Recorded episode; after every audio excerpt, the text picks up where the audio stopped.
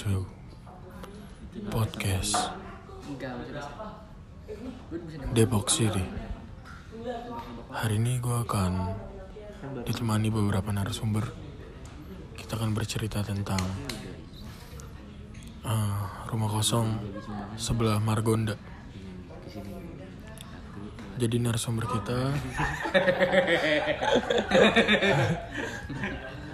ada ini Didan, ada Apoy, ada juga.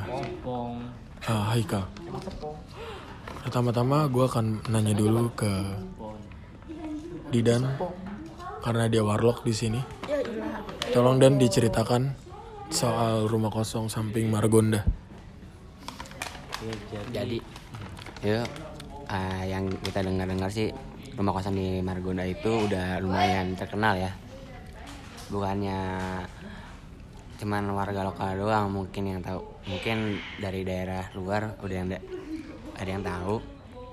Itu ada kayak rumah dia tuh udah dari zaman kolonial Belanda penjajahan nggak direnovasi ibaratnya Nah, di situ dia apa sudah yang punya sudah tidak berani renovasi lagi.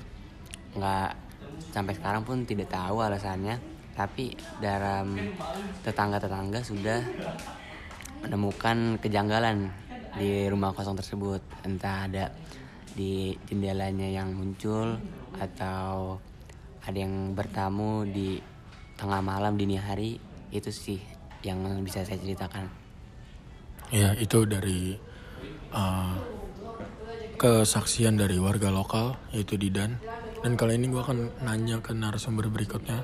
Dia seorang fotografer street, street photographer.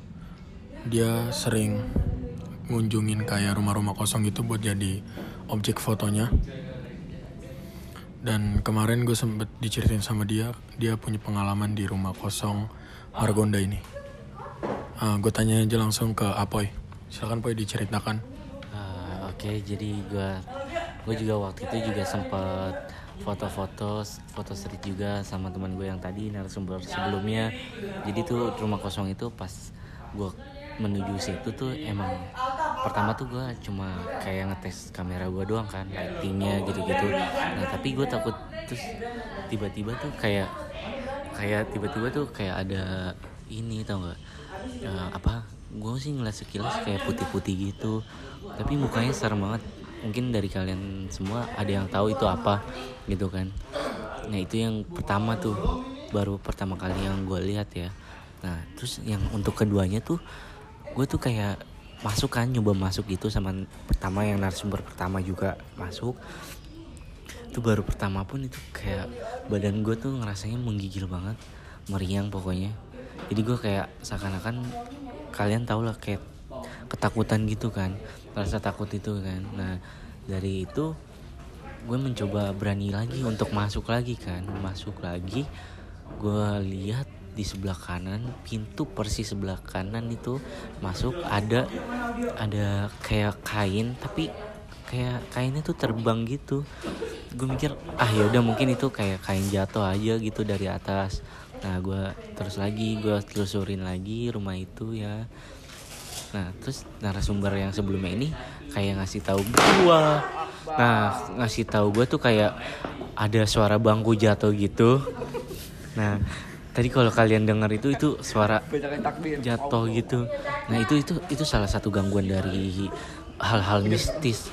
Sebenarnya juga gue gue nggak tahu sih apa yang pengen gue ceritain sekarang sekarang sekarang gue kayak panik gitu gue kayak dikejar sekarang gue di belakang dikejar gitu jadi kayak buat kalian tuh semua ya